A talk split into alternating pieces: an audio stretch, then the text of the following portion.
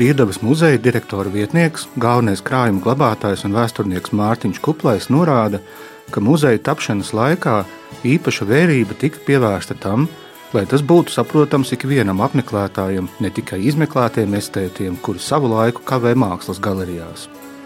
Pirmais par šādu mēroga vēsturiskā mantojuma saglabāšanu pēc Pirmā pasaules kara iestājās arhitekts un etnogrāfs Pauls Kundziņš. Turpina Mārtiņš Kuplēs. Viņš bija pieminekļa valdē no universitātes, no arhitekta fakultātes vispār pieminekļa valde kā tāda ļoti interesanta struktūra, jā, kur bija savāktas autoritātes un, un izpildītāji bija citi.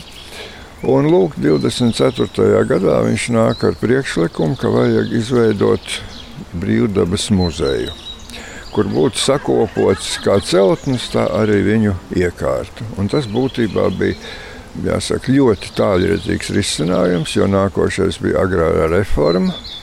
Agrārās reformas laikā daudz kas mainījās. Tika veidots jauns sēdes, protams, vecās netika pamests, bet vecās tika ievērojami pārkārtotas. Un, un līdz ar to tā bija tā iespēja savākt šos senatnes pieminekļus un pārvest un iekārtot. Nu, sākotnēji ideja bija meklēšanas stadijā, ja piedāvāja valsts, piedāvāja skrīveros, piedāvāja kaut kur latgalē, piedāvāja. Ja? Un 28. gadā ir Raņa parakstīts kā izglītības ministra dokuments. Zemes ierīcības komisijai lūdzu piešķirt ja, 75 hektāru bijušās Bonaventūras muļas robežās. Šeit bija, te nebija nekā. Te bija priežu mežs uz smilšainām kāpām. Neviens zemnieks sēt. Nu, būtībā pilsētai un, un valstī it kā tajā brīdī galīgi nevērtīga teritorija. Interesants ir arī Bonaventūras mūža stāsts. Par apdzīvotību Bērģu baložu teritorijā ir saglabājušās liecības no 1545. gada, kad pilsētas pievārtē tika ierīkota mūža. 1582. gadā par tās īpašnieci kļuva Nikolausa Mollera atraitne, kura pēc tam to atstāja mantojumā savam dēlam Bonaventuram Molleram, kura vārdā tad arī mūžiņa ir nosaukta. 1780. gadā par mūžas īpašnieku kļuva namnieks Jānis Balodis, no kura uzvārda cēlies latviskais mūžas, kroga, kalna un visas tuvākās apkaimes nosaukums. Kā turpmākos mūžas īpašniekus var minēt Franci Gustavu von Lēvisu un Adolfu Heinrichu von Wolfu. 1919. gadā pēc zemes reformas mūža tika atsavināta un kļuva par valsts bankas īpašumu. 34. gadā mūžas centrā ierīkota valsts stādu audzētava. Pēc otrā pasaules kara bijušajā mūžas centrā darbojās Latvijas Lauksaimniecības Universitātes mežsaimniecības fakultāte un bērģu astoņgadīgā Krievu skola, bet nu atgriezīsimies pie stāsta par brīvdabas muzeja tapšanu. Tā kā satversme, trešais pants nosaka, ka Latvija sastāv no kurzemes, vidzemes, zemgals un latgals, tad arī pēc šī principa tika veidots brīvdabas muzejs. Tā sākotnējā ideja ir no katra novada pa vienai latviešu zemnieku sētai, sabiedriskās celtnes, un tad jau tad jau tālāk redzēs, kas notiks. Un tieši tā arī notika 28. gadā. Tika pārvesta pirmā celtne, Vestienas Rīsgrija. Un 32. gadā šī sēta jau tika atvērta apmeklētājiem. Sešas celtnes. Ja? Nu, tā tad līdz. Jā, tad viņš nu jā, ir audzējis sevi gadu gaitā. Jā, protams, protams. Un tie, eh, redziet, tiem cilvēkiem, kas veidoja šo brīvdabas muzeju, bija tikai minimāla pieredze tam, ko viņi bija redzējuši Skandināvijā. Ja? Tātad vajadzēja arhitektūras fakultātes studentus, mākslas studentus, kas brauc ekspedīcijās, pieminekļu valdes cilvēks, lai apzinātu, apzinātu tipiskāko. Jo brīvdabas muzejs nav bojā ejošu vēstures un kultūras pieminiektu kolekcija. Brīvdabas muzejs ir zinātniski izplānota. Respektīvi, lai būtu tipoloģiski, chronoloģiski, sociāli un etniski pārstāvēt visu Latviju, kāda viņi ir. Ja? Un tas ir ļoti būtiski. Tad vidzemes sēta kā tipiska vidzemes augstienes sēta ar nelielu dzīvojamo māju, ar rīju, ar visām tām celtnēm, kas veidojas ap pagalmu. Ja? Tālāk tika veidot kurzemes sēta. Atkal atbilstoši kurzemes saimniecību lielumam, ar dzīvojamo māju, ar klēti kā pirmo. Jo ne jau vienmēr uzreiz viņiem izdevās tās celtnes dabūt teiksim, tādā secībā, kā it kā liekas pareizi. Ja māja, kūts un tad klēts vai otrādi. Bet tā tad klēta jau 32. gadā pārved un māju un laida krietni pēc tam. Un tādējādi līdz 40. gadam bija pārstāvēta kurzemes sēta, zemgals, vidzemes un latgals sēta. Kopā apmēram 40 objekti. Tā daudzveidība ir ārkārtīgi liela. Nu, kā var iedomāties, ka vidzem nebūs pārstāvēta bez sajiešanas nama? Ja? Tā tad Hernhūtiešu sajiešanas nams. Jā, tāpēc šī sajiešanas nama makets ir pašreiz skatāms Nacionālās bibliotekas izstādē pa Hernhūtiešiem. Ja? Kā varētu būt ka atsevišķi nebūtu parādīta dzīvojamā rīja savā sākotnējā stadijā. Un pie kam šeit šī dzīvojamā rīja vēl ar kambaru, kur noturēts skola 18. gadsimta sākumā. Sabiedriskās celtnes. Jā. Problēmas ar baznīcām tur atrisināja tādējādi, ka baznīca nojauc, pārved un tā vietā uzbūvēja, piemēram, Usmas krastā ir tagad baznīca, jā, jā, pēc kundziņa. Jā, nu brīnišķīgi, jā, un, un, un paldies Dievam, vandaļu laiki ir pagājuši, mm. un viss ir tā kā vajag. Ja? Tāpat arī Bornas baznīca no Vecbornas, tas ir no Kaplaus pagasts, tur pašā, pašā dienvidu, dienvidu austrumos, ja, kur it kā ir katoliskais apgabals, bet faktiski tur no hercoga laikiem tas ir bijis tīri luterisks apgabals un lūk šī, šī baznīca. Un viņas vietā ir arhitekta ārenda projekta uzbūvēt mūra baznīca. Ja.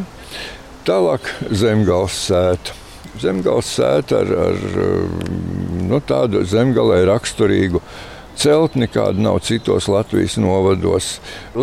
Pakauveidi. Jā, pakauveidi celtnes tā ir saimniecībā ļoti raksturīga visā kurzemē, praktiski iet cauri, nu, izņemot ziemeļkurzem, ja, un, un zemgāli. Bet šeit, šeit raksturo ne tikai to senatnīgo slāni, bet šeit ļoti skaidri parādās sociālās attiecības. Ja? Un tas ir arī pirms kara pārvests. Tā ir kalpu rinka, respektīvi ēciņa, kur ir telpas trīs kalpu ģimeņu priekšmetiem. Ja, tad tas nozīmē, ka zemgāles saimniecības bija tik lielas, ja, ka viņiem vajadzēja trīs kalpu ģimenēm būt atšķirībā no vidzemes, kur labākā gadījumā bija viens vai divi kalpi. Ja. Tā kā visu ēku un būvju aprakstam būtu nepieciešami vairāki kultūras rondo raidījumi, jo kopējais apskats objektu skaits ir pāri simtam, ilustrācijai jāizvēlas kas konkrēts Un ņemot vērā Mārtiņa kuplā pieminēto izstādi Modināšana, stāsts par Hanhūtiešiem, kura šobrīd ir iepazīstama Latvijas Nacionālajā bibliotekā, dodamies sīkāk iepazīties ar brāļu draugu sajiešanas namu, kurš uz muzeju atceļojas no plāņu pagasta jaunu mežuļiem Valkas pusē. Tā tad ir interesantākais. Līdz kam es nevarēju ļoti ilgi aizdomāties, un kas nekur tā īsti netika uzsvērts, ka sajiešanas nams vienmēr bija uz kādas zemnieka zemes. Jo visi sajiešanas nami ir celti dzimbūšanas apstākļos. Mūžas samērā stingri kontrolēja, lai zemnieki neliederīgi neizmantotu būvmateriālus. Ja? Tur bija dažādi ierobežojumi, klēts ar diviem saimniekiem, vienu pa dažreiz pat pirti ieteicis divām mājām, vienu būvēt un tam līdzīgi. Ja? Bet sajiešanas nams ir uz zemnieka zemes. Tātad viņš ir būvēts ar vai nu ar mūžas atļauju, vai ar klusu ciešanu. Tas nozīmē, ka bija kaut kāda mūžniecības daļa, kas atbalstīja šo kustību. Jā, kaut arī varbūt uh, nevarēja to apstiprināt uh, oficiālā kārtā. Jā, bet, uh, nu, kāds, ka, kam varbūt tas bija vai, vai nevienaldzīgi, vai, vai neiesaistījās, bet katrā ziņā Ne jau velti, jā, visi, visi šie sajiešanas nama nosaukumi jā, ir, ir cieši piesaistīti uh, kādai zemnieku sētai. Un tāpēc šeit, lai arī sēta ir komplektēta no dažādas cilmes ēkām. Ja sajiešanas nams ir tepat klāt, viņš nav ka teiksim, sētas funkcionāla sastāvdaļa. Viņš ir mazliet nostā kā rīja, bet būtībā viņš piekļaujas šai vidzemes sētai. Otra apskates vieta - Rija vidzemes sētā, kurā ieejot Mārtiņš Kuplēs vispirms pievērš uzmanību klona klājumam. Vienkārši sablietēts māls. Mm -hmm. nu, tā tad šeit iekurināja uguni, kā redzat, te ir kurināts. Viss tā, tā nav. Tā apdūmošana nenotika mākslīgi, bet dabiskā ceļā, ja šeit kurinot to arī uz vietas. Un tad uz ārdiem salika labību. Protams, viņi bija sastumti kopā, nu te vienkārši lai būtu uzskatām. Un tad kurināja šo krāsu. Nu, no sākuma. No sākuma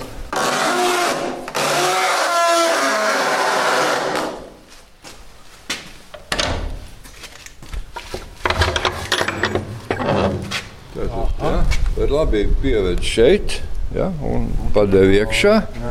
Un tad nākošais augšā, un tad tur viņš žāvējās. Un, lai, lai būtu pietiekoši vilkme, un, un tā pašā laikā nebūtu vaļējis, lai būtu tā vilkme veidotos, ja, tad lūk, bieži vien rījām ir durvis ar pusatvērumu, ar ceturdaļu vai, vai tam līdzīgi. Un tas, ka tā krāsnes tur ir dziļi iekšā, tas liecina par to, ka šī rīja būtībā nav bijusi domāta dzīvošanai. Jā, viņa ir bijusi tikai šāda funkcija.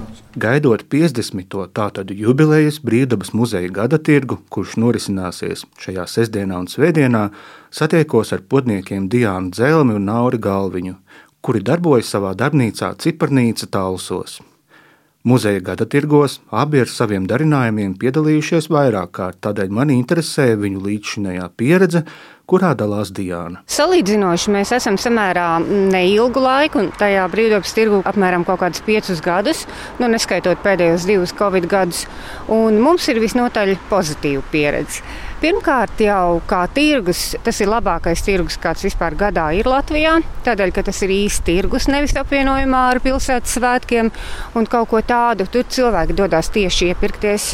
Tad, kad e, viņi tevi jau ir iepazinuši, katram tirgotājam veidojās savs klientu lokus, kur viņi katru gadu dodas meklēt vai Ingrīdu Žāgatu, vai Normundu Lanģi, vai Ciparnīcu.